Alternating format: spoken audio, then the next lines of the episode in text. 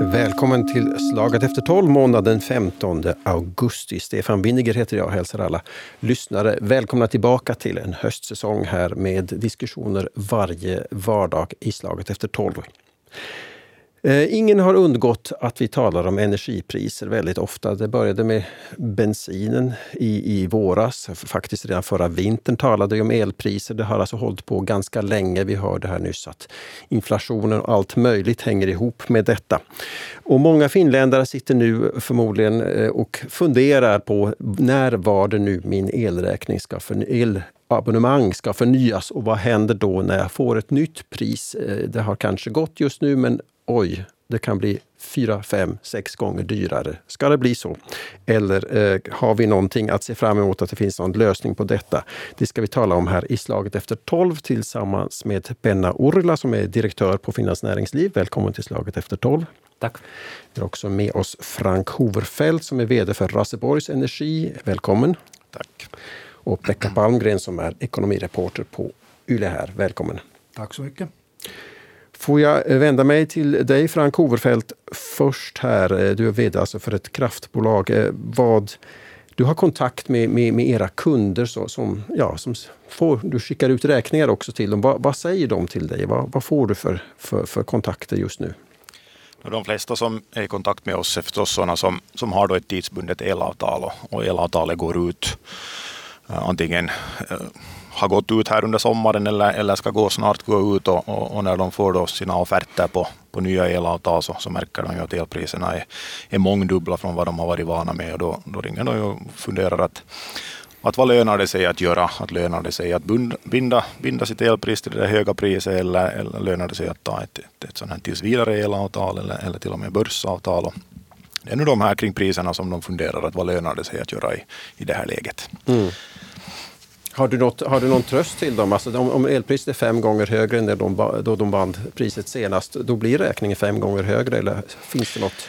Nu blir den ju riktigt fem gånger. Vi ska komma ihåg att, att på elräkningen så finns det också elskatt och elöverföringar och de, de ändrar ju inte nu. Tidigare var det en ganska bra tumregel att, att, att energipriset var en tredjedel men nu kommer det förstås att vara största delen av, av eh, energiräkningen består, kommer att bestå av av elenergin framöver. Men att det är ju inte riktigt så där att det, att om, om elenergipriset femdubblas så, så femdubblas ju inte priset på, på räkningen ändå exakt. Men det blir ju i alla fall då sannolikt flera gånger högre. Och, och, det, där och, det är nog ett knepigt läge just nu att om man måste, måste här bestämma just nu att, att äh, hur ska man göra med sitt elavtal så, så är det nog ingen lätt sätt att bestämma. Det måste man nog medge. Jag förstår. Det här, och det här är då mycket för säkert privatpersoner också. Penna Orila från, från Finlands Näringsliv. Hur, eh, elpriset påverkar också företagen, arbetsplatser, ekonomin överhuvudtaget. Hur, vad, vad, hur ser du på det? No, exakt, det påverkar ju företagen helt på samma sätt som, som konsumenterna. Att visst, visst är ju företagen ganska stora konsumenter på, på, på el och beroende lite på företagstyp så kan man kanske ha lite, lite expertis. Man kan i vissa fall kanske använda, använda Eh, ja, de, de, de möjligheter som finns på marknaden att skydda sig mot, mot ökade kostnader och så vidare. Men sen å andra sidan så måste företagen ofta hålla produktionen igång och, och de har ganska, ganska små möjligheter att anpassa den här själva produktionen till, till, till sen eh, elpriser om, om man driver någon, någon, någon industriell process till exempel. Att på samma sätt då är det ett stort bekymmer för företagen. Mm. Pekka Palmgren, du, du reporter här på, på Svenska Yle skriver har skrivit idag om, om marknadsföringen av elpriser. Vad, vad är ditt intryck hur det, hur, hur det här hänger ihop just nu och stämningarna?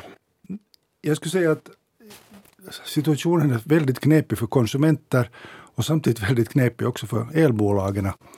Och de elbolag som nu sysslar endast med att förmedla, som inte själva producerar någonting.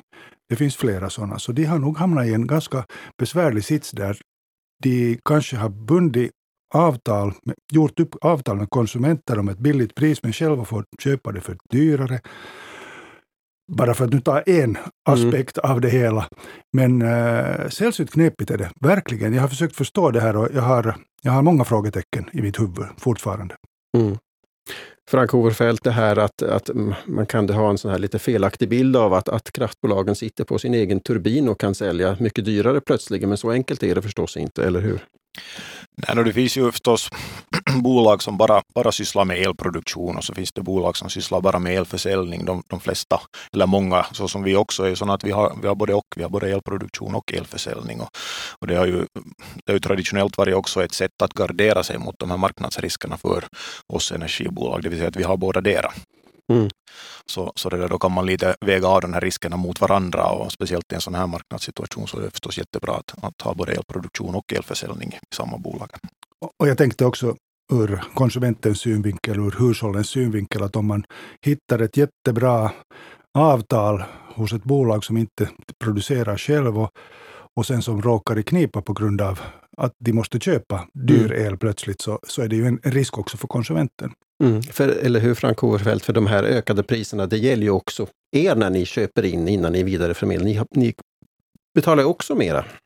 Så är det, så är det förstås precis. Ja, vi, vi, betalar ju, vi köper ju in, in elen i, i huvudsak ändå till, till marknadspriser och, och, det där, och, och då, då, har vi inga andra möjligheter heller att när vi, när vi gör nya avtal äh, där vi ska, vi ska sälja el som vi inte tidigare redan har köpt in eller prissäkra så då, då är vi ju tvungna att, att, att sälja, sälja vidare också vi för, för marknadspris. Mm.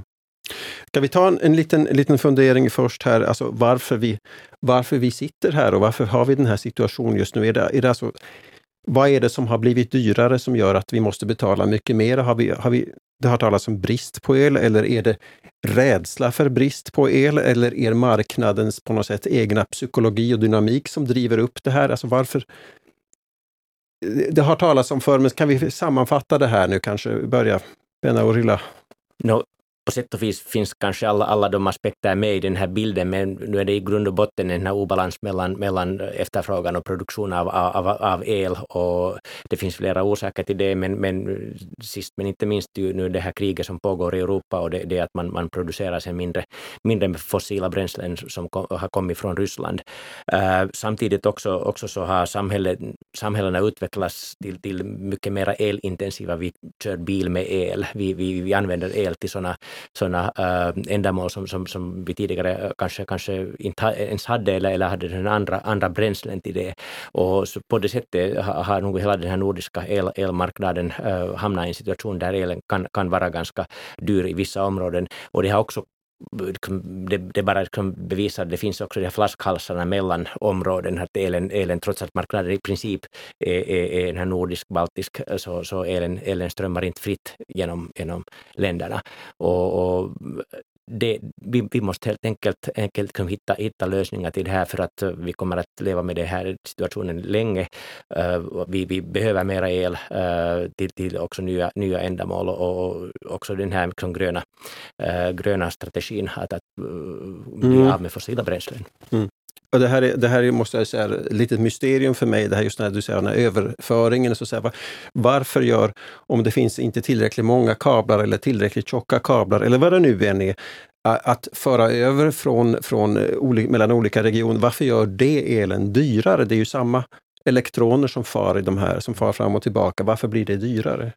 Då kanske någon elingenjör kan förklara det här bättre, men att om man tänker på Sverige till exempel, så internt i Sverige så, så har de en obalans, att, att man producerar el, elen i norra Sverige med, med vattenkraft ofta och sen konsumerar i södra Sverige och, och om man inte har tillräckligt kraftiga ledningar däremellan så, så kan man inte flytta mm. elen så att säga till, till, till södra Sverige och där blir det brist på el och då, då, då stiger ju priserna. Mm mystisk marknad för säkert mig och för må många andra. Och det här, alltså, den här bristen på el vi talar om, har vi, hur reell är det här? Det, finns ju, det har talats om krisplaner, att vem som får stänga av först eller vem som stängs av först, ännu värre. Eh, och det ska inte drabba privatkunderna, men, men alltså är det här en rädsla för en brist, eh, ska jag tala med Frank Hoverfeldt här kanske, är det här, hur realistiskt är det att, att det tar slut eller är vi bara rädda för att det ska ta slut? Men man bedömer nog fortfarande att det är väldigt osannolikt att man skulle bli tvungen att, att ransonera el på vintern. Mm. Och det, men det, det är, nog, ska vi säga, det är mera sannolikt nu än vad det någonsin kanske har varit tidigare. Att så tillvida så är, den, så är den ju befogad den här diskussionen och att man ska liksom mentalt förbereda sig på att en sån här situation ska komma. Det har nog kunnat uppstå tidigare också men som sagt så är det mera sannolikt nu än tidigare. Och, och det där, eh, vi har ju importerat en hel del el i alla fall från Ryssland under tidigare år och den, den elimporten är, borta för tillfället. Och, och, det där, och nu, nu väntar man ju förstås då på att, att den här nya kärnreaktorn Olkiluoto 3 ska komma i, i, i, normal, normal produktion som skulle kunna då ersätta åtminstone väldigt långt den här ryska importen. Och, och den skulle då kunna kunna råda bot på, på den här eh, potentiella elbristen. Men nu har det ju liksom tidigare också funnits, har man diskuterat, att det kan uppstå elbrist till exempel i Finland. Finland har importerat en, en stor del av sin el under, under speciellt vintermånaderna. Och, och, och, då kanske just från, från övriga nordiska länder, från Sverige, så har man importerat mycket el. Och skulle det då uppstå en sån situation att vi har en mycket kall vinterdag som dessutom är helt vindstilla mm. och det sträcker sig över hela Norden, det vill säga också över Norge och Sverige, och vi inte importerar el från Ryssland och vi inte har Olkiluoto 3 i produktion, så då kan det nog finnas då ganska stora sannolikheter, eller sannolikheten ökar åtminstone då att vi kan råka ut för en sån här elbristsituation. Mm. Men, Men fortfarande alltså så är den ju, bedöms den nog vara osannolik. Men det här, nu nämnde du Olkiluoto 3, så vi, vi och vi, men Finland här eh, håller på att starta upp alltså ett nytt eh, kärnkraftverk, en ny reaktor som, som du säger här ska ersätta eh, det som har fallit bort från Ryssland och lite annat. Så vi, vi borde ju ha ganska bra då, bara den nu kommer igång. Vad man nu tycker än om kärnkraft så kommer den igång. Eh, kommer inte det få att elpriset att sjunka om det finns gott om el? Ehm, det, det, kommer att påverka, åtminstone kommer det, borde det påverka liksom stabiliserande och borde sänka det här medelpriset på el. Och om marknaden fungerar så ska det nog ha den inverkan, ja, att den borde sänka på priserna. Mm. Det här med priserna är ju på det komplicerat. Det finns så hemskt många rörliga delar som inte nödvändigtvis har med varandra att göra, som har att göra med till exempel utsläppsrättigheter, som har att göra med priset på kol, som har att göra med eh, det som Penna Orila var inne på, överföringskapacitet. Och, och, och hela den här eh, gröna omställningen, vi, vi är väldigt beroende nu av att det blåser. Mm. Och det är liksom en del av den gröna omställningen. Det här får vi då leva med, att om inte blåser så finns inte tillräckligt med el. Så att här är oerhört många delar förrän det liksom landar hos konsumenten i eluttaget. Mm. Plus då hela den här elbörsen med, med, med det här priser, olika timmar, olika tider på dygnet. Och det, det är en komplicerad härva, men, men det där, eh, jag tycker att, att och, och, ja, plus då kriget i Ukraina, ännu till. Men, men det går att förstå sig på, på det sättet tycker jag att, att eh, vi, vi, vi har ändå i Finland klara strukturer och fungerande system. Att jag är inte speciellt bekymrad nu heller för det här som, precis som Frank Overfeldt säger, att, att, att vi ska få brist på el. Det är det priset som är problematiskt för till exempel villaägare, egnahemshusägare. Jag skulle ännu en, en, kanske poängtera det där med, med, med kärnkraftsreaktorn, så det är viktigt att få den här grund Eh, produktion som, som, som är inte beroende av vind eller väderförhållandena.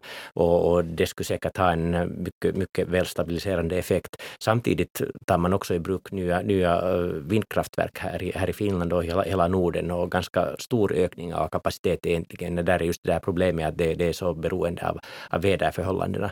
Men där hjälper den där nordiska marknaden åtminstone teoriplan en del att, att om det inte blåser här i Finland så kanske det blåser i Sverige eller, eller i Danmark. Och mm. i och med att man, man öppnar den där flaskhalsen att man kan föra över el från ett område till ett annat så, så borde den också på, på medellång och, och, och längre sikt sen, sen stabilisera hela den här nordiska marknaden. Att, att vi kan använda egentligen el som har producerats med vindkraft till exempel i Danmark eller på sätt och vis kommer det med i den här finländska marknaden också. Mm.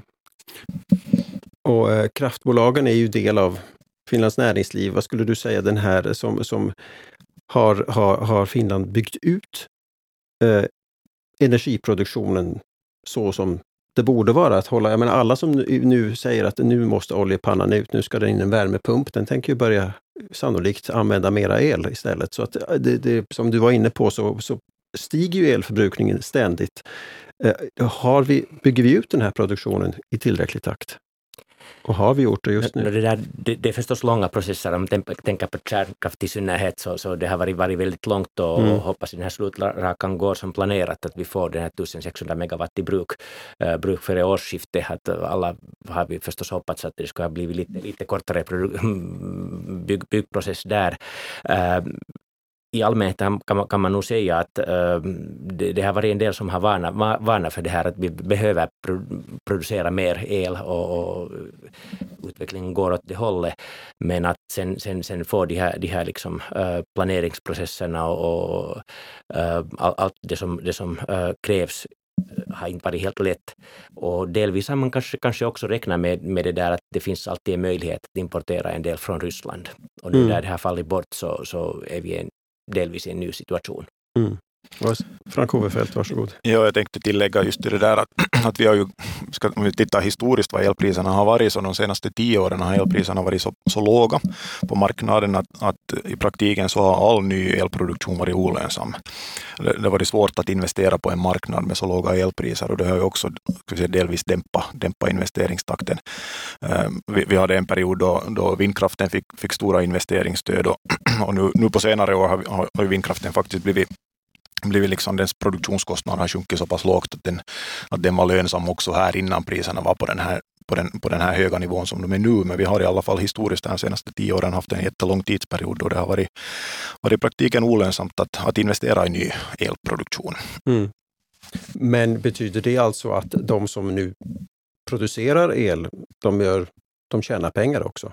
Ganska bra de, sannolikt så tjänar man mycket pengar just nu. Det beror lite på också att, att många elproducenter är ju också säkrare en del av, av, av, sin produktion, det vill säga de säljer ut den på förhand, det vill säga de prissäkrar på samma sätt som när man köper in, så prissäkrar man också när man säljer ut sin el. Och, och det är då frågan om lite att hur, hurdan, hurdan prissäkring, hurdan riskpolicy har de när de, när de producerar el. Men, men, men så är det ju nog att många elproducenter tjänar nog bra på sin elproduktion just nu, men då har man också haft ganska, eller tio år här som, man, som man, många kraftverk har helt enkelt varit olönsamma. Mm.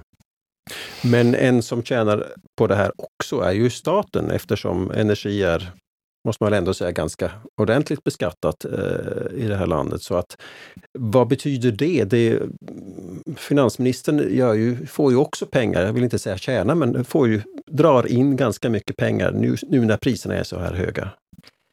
Det stämmer, men bara delvis. Att, att, att sen, sen förstås när elen och andra bränslen är så dyra, eh, staten får lite mera skatteintäkter från dem, men att samtidigt dämpar den, den, den allmänna konsumtionen och kanske minskar på skatteintäkterna när man tänker på moms eller andra skatter från annat håll. Att, att eh, om man tänker på helheten så som finansministeriet eh, här för två veckor sedan, sedan, sedan gav ut de där siffrorna, så inte har man sett någon stor ökning av, av, av skatteintäkter om man, om man tittar på, på helheten. Mm. Skatteintäkterna från energi, jo, men, men sen, samtidigt så, så har vi en dämpande effekt annanstans. Dämpar ekonomin så andra, andra ja, skatteintäkter exakt. går ner så att säga. Men nu har vi på något sätt har renodlat bilden varför vi står där vi står idag. Eh, så vad ska vi göra nu? Vem, vem kan, Frank Hoverfeldt, kan du hjälpa oss ur det här? Det är nog svårt, skulle det finnas några lätta, lätta sätt så skulle man ha tagit dem i användning redan. Att det finns nog tyvärr inga riktigt lätta, lätta utgångar. En, eh, alltså det som jag tänkte ännu lägga till det här priset som, som nu slutkunderna nu ser, att de, man ser ju nog den här risken på, risken på elmarknaden gör ju nog också det att, att elpriserna är så höga som de är nu. Och det ska vi säga, den realiserades förra vintern för många elförsäljare när elpriserna, speciellt i december, blev jättehöga samtidigt som det var en kall månad och, och det orsakade då att, att jättemånga elförsäljande bolag bolag så, så gjorde ganska stora förluster under, under slutet av förra året, under vintern. Och, och, och nu är man liksom rädd för motsvarande risker inkommande vinter. Man är, liksom, man är rädd att, att den här risken är ännu större nu och, och, och det här, och, och många prissätter nog sen in det, in det också i, i slutkundspriset. Mm. Priser. Men, men ska vi säga, vad finns det för vägar ut ur det här? Så, så inga lätta vägar ut nu. Det har diskuterats, diskuterats då till exempel en, en sänkning på momsen till exempel på elen, vilket är säkert en förhållandevis ska vi säga, lätt åtgärd i alla fall och, och, och ganska lätt och, och, och, kommer just ska vi säga, privata konsumenter till godo. Det är nu ett sätt som man, som man kunde lätta lite på bördan, men, men det är också marginellt förstås vad den har för sen då exakt effekt. Ingen av oss har ännu nämnt spar som metod att komma ur det här. Och det är ju det som alla talar om just nu, att hur vi ska spara. Mm. Där tycker jag faktiskt att, att äh, konsumenter lite skuldbeläggs i den här diskussionen för att jag äh, tänker till exempel på villaägare. Jag känner nu ingen villaägare som skulle ha väldigt varmt på vintern i, i, i huset. Utan man, man är nog vanligtvis ganska medveten om, om både duschtider och, och, och inomhustemperaturer redan färdigt. Så att, att nu komma med, med goda råd till vanliga konsumenter hur man ska spara, så, så är lite sådär Ja, det, det, har naturligtvis en viss betydelse, det är aldrig fel på att spara, men jag har en känsla av att det löser kanske inte våra problem. Utan det är kanske från industrins håll som man borde hitta sparmöjligheter. No, industrin gör det ju var, varje dag och med de här priserna så det, det har sällan varit, varit mer lönsamt att, att hitta, hitta nya lösningar som, som kanske kräver mindre energi eller mindre, mindre el i, i, i synnerhet. Men att uh, nu gäller, tycker jag, den där liksom lönsamhetsgrejen också för konsumenterna, att eh, folk har ju börjat investera i solpaneler och alla, alla, alla, alla möjliga uh, andra, andra tekniska lösningar för att, för att få kontroll över, över den här. Förstås, det, det är inte lätt det heller, det finns långa leveranstider och så vidare, men att uh, jag har sett en viss förändring tycker jag, i folks beteende. Man, man, man googlar efter, efter alla möjliga, möjliga lösningar och det finns förstås, det varierar vad kan man göra, bor man i ett höghus eller, eller, eller villa och hur, hur, hurdan uppvärmning man har och så, och så vidare. Uh, men att det, det är en sak och sen finns det också eh, kloka lösningar som man, kanske till, till exempel att man, man, man laddar elbilen på, vint, mm, på, på natten och, och tvättar byk och så vidare. Om man nu köper börs, börsel, där, där kan man, om man är aktiv och, och medveten om saken så kan man kanske utnyttja det här, den här de där varierande priserna. Mm. Det är inte så enkelt att vara aktiv och medveten. Alltså, jag tycker också att man ska vara det och vi ska sträva efter att allt fler är det, men det är ganska komplicerat med elavtal. Eh, det finns många olika slags elavtal och elräkningen består av flera olika delar. Och på något vis att pussla ihop allt det här och veta exakt vad som är smart för mig, så det är verkligen inte enkelt. Och jag tror, så som nu Penna Orila också säger, att det lönar sig att sätta sig in i de här sakerna och se om man kan göra någonting. Men sist och slutligen, vi bor i Finland och om det är kallt i januari så då måste man ha varmt i huset och det, det, det har ingen betydelse om du har diskmaskinen igång på natten eller inte egentligen i den stora ekvationen. Mm. Det ropas ju nu i, i alla möjliga länder eh, om att, att staten borde ingripa det här, alltså rent mm. jag ska säga, trygghets socialpolitiskt, att, att människor kommer att få elräkningar som inte längre kan betalas, som överstiger deras löner och så vidare. Vad, vad ser ni där? Finns det, hur, stor är risken för det, tror ni?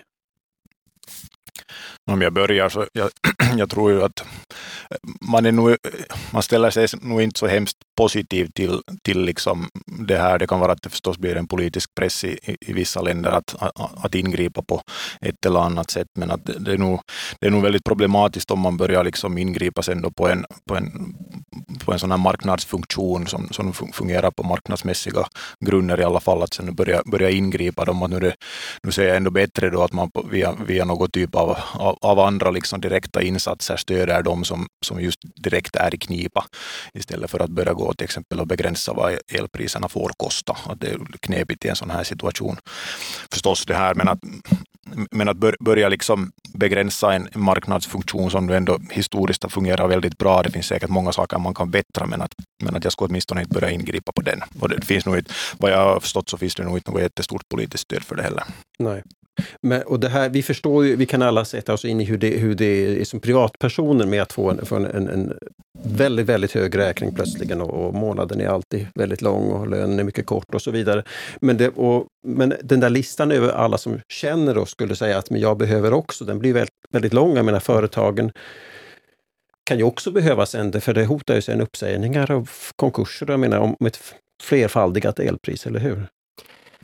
Ja, det är ju lätt, lätt att uh, vara överens med, med, med, Frank om det här att uh, ändå har den här elmarknaden fungerat marknadsmässigt och, och relativt bra. Det, så, så grund och botten att, att vi har, vi har nu en ny situation men att vi ska sen liksom hitta, hitta på någon lösning som, som skulle på något sätt eh, vara den här genomgående och, och, och dämpa, dämpa den här effekten för alla så, så det, det är nog inte, inte lätt och inte egentligen önskvärt att just rikta, rikta det där stödet om möjligt till de som faktiskt faktiskt har ha, ha, det, ha det svårast och sen, sen titta lite framåt och försöka komma på, på lösningar. Att hur kan man balansera bättre den här, den här obalansen som vi nu, nu har på hela den här nordiska elmarknaden. Mm. Jag fäste mig vid en sak, måste jag säga, som Frank Overfeldt eh, sa här för en stund sedan. Det här att vi har haft historiskt väldigt, väldigt, väldigt låga elpriser under en längre tid. Och det här påminner lite grann om diskussionen att vi har haft väldigt, väldigt låga bostadsräntor också.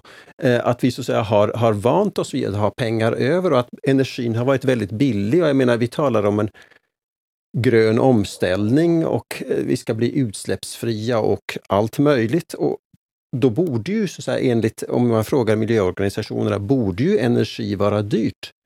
Varsågoda, nu blir den dyr här. Är det, alltså, förstår ni vad jag menar? Är vi egentligen på rätt väg? Vad det, hur det borde vara, hur smärtsamt processen än är? Jag tycker du har, har en poäng där att, att om vi tänker att vi skulle på något vis eh, sträva, statligt sträva efter att ha låga elpriser. Vi, vi har ju europeiskt sett ändå eh, inte speciellt dyra åtminstone, så är det ju en miljöfråga också. Att då finns det liksom inte incitament, det finns inte, vad heter det på svenska, eh, motiv, motivation för att spara och mm. vara miljövänlig om elen fortsätter att vara billig.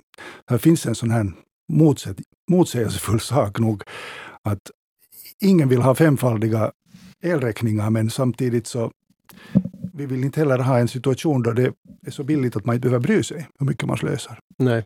Men det, det, är svårt det där. Det är precis så där skulle jag säga att, att man ju från, från elproducenternas håll så har man ju nog liksom redan länge vetat att elpriserna behöver bli högre för att, det ska, för att den här gröna omställningen ska löna sig. Och, men att det, är ju, det är ju aldrig bra om en ändring sker så här fort och, och, den, och den är så här stor. Att den är, man borde ju sprida ut den här prisförändringen på en betydligt längre tid. Att det är ju det som är det stora problemet just nu. Mm. Ser du någon möjlighet, alltså någon praktisk möjlighet, om till exempel exempel nu dina kunder säger jag, jag, i februari kommer jag få en, en räkning på flera tusen, att du liksom kan du, e, kan du komma dem till mötes på något sätt? Jag betalar lite grann i februari och istället så betalar du lite mer i juli också. Eller hur ser det där ut? Den här, har du möjlighet att påverka den där utspridningen? No, no, på väldigt kort tid har vi ju möjlighet att, att det, där, det, det är klart att, att, att har, vi, har vi kunder som, som har svårt att betala sina elräkningar så uppmanar vi, uppmuntrar vi dem alltid att vara i, i kontakt med oss i god tid så kan man komma överens om en betalningsplan. Men den är ju, den är ju ändå relativt kort den betalningsplanen så där i regel. Att, att, att är det så där att, att man gör ett tvåårigt elavtal till exempel och man ser att, att inkommande vinter kommer man inte att klara av sina, sina elräkningar och inte heller där på följande vinter klara av sina elräkningar så då, då har man nog en, en ska säga, mera utmanande situation. Men också i de situationerna så uppmanar vi nog då kunderna förstås att vara i kontakt med oss så kan man fundera tillsammans då att hur kan man lösa det. Mm. Hur, må, hur många det här, det, det talas ju de här fasta avtalen mot att ha det här, det här rörliga elpriset, just som man uppmanas att bada bastu på natten och, och, spara, och stänga av värmen på dagen och så vidare för att balansera det hela. Men hur många kunder är det ändå som väljer nu det här fasta priset, trots allt? Det är nog största delen fortfarande som, som har då, har då det. Okay, vi, vi, har, vi, ska vi, säga, vi har haft kanske 60 procent av våra kunder har varit sådana som har haft liksom fasta tvååriga avtal, är mest det typiska. Sen har vi en stor del kunder som är då på tills vidare elavtal som, som hos oss är i kraft då alltid tre månader i taget och sen justeras de. Så att eh, de flesta har ju nog ett fast elavtal liksom, eh, åtminstone en tid framåt i tiden. Och, och det är nog när börs, börspriserna också, så nu, nu, har vi ju sett till exempel under de senaste veckorna har vi ju sett liksom tidsperioder då det har varit, elen har varit nästan gratis och sen har den varit helt jättedyr och, och det sågar allt däremellan. Men, men sen kommer det nog också, speciellt på vintern kan det vara, kan det vara liksom att det är jättelånga tidsperioder då det är dyrt hela tiden och då, då kan det vara liksom svårt att då hjälper det ingenting att bara bastu på natten eller sätta igång diskmaskinen på natten om, om el, elpriset är högt då också. Mm. Och det här att, att de här avtalsformerna, tror ni att ni ser, det kommer bli alltså någon förändring här?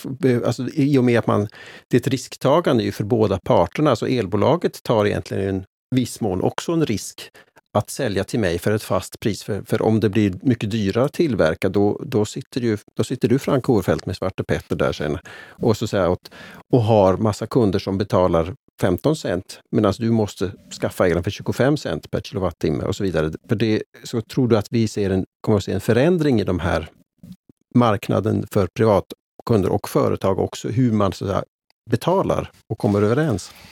Man har ju nog försökt liksom skapa nya typer av elprodukter också, men, men det där, som det nog kommit fram här i diskussionen också, så elmarknaden är ganska svår att begripa sig på och då är det ju ganska lätt som kund att man väljer samma typ av elavtal som man haft tidigare. För när man inte riktigt, riktigt tar sig tiden kanske att sätta sig in i att hur elmarknaden fungerar, så då väljer man någonting som man haft sedan tidigare eftersom det känns tryggt. Och, och det, nu, nu, tror jag väl, åtminstone så finns det ett behov av att det skulle komma, komma då nya typer av, av elavtal. Där man säger till exempel den typen av elavtal att man har ett fast, fast pris upp till en viss eh, maximiförbrukning och, och det där och, vilket betyder att till exempel då att om elpriserna är jättehöga så, och det där du ändå förbrukar mycket el just de tiderna så, så, det där, så kunde du då betala liksom ett högt pris för, för just den tidsperioden.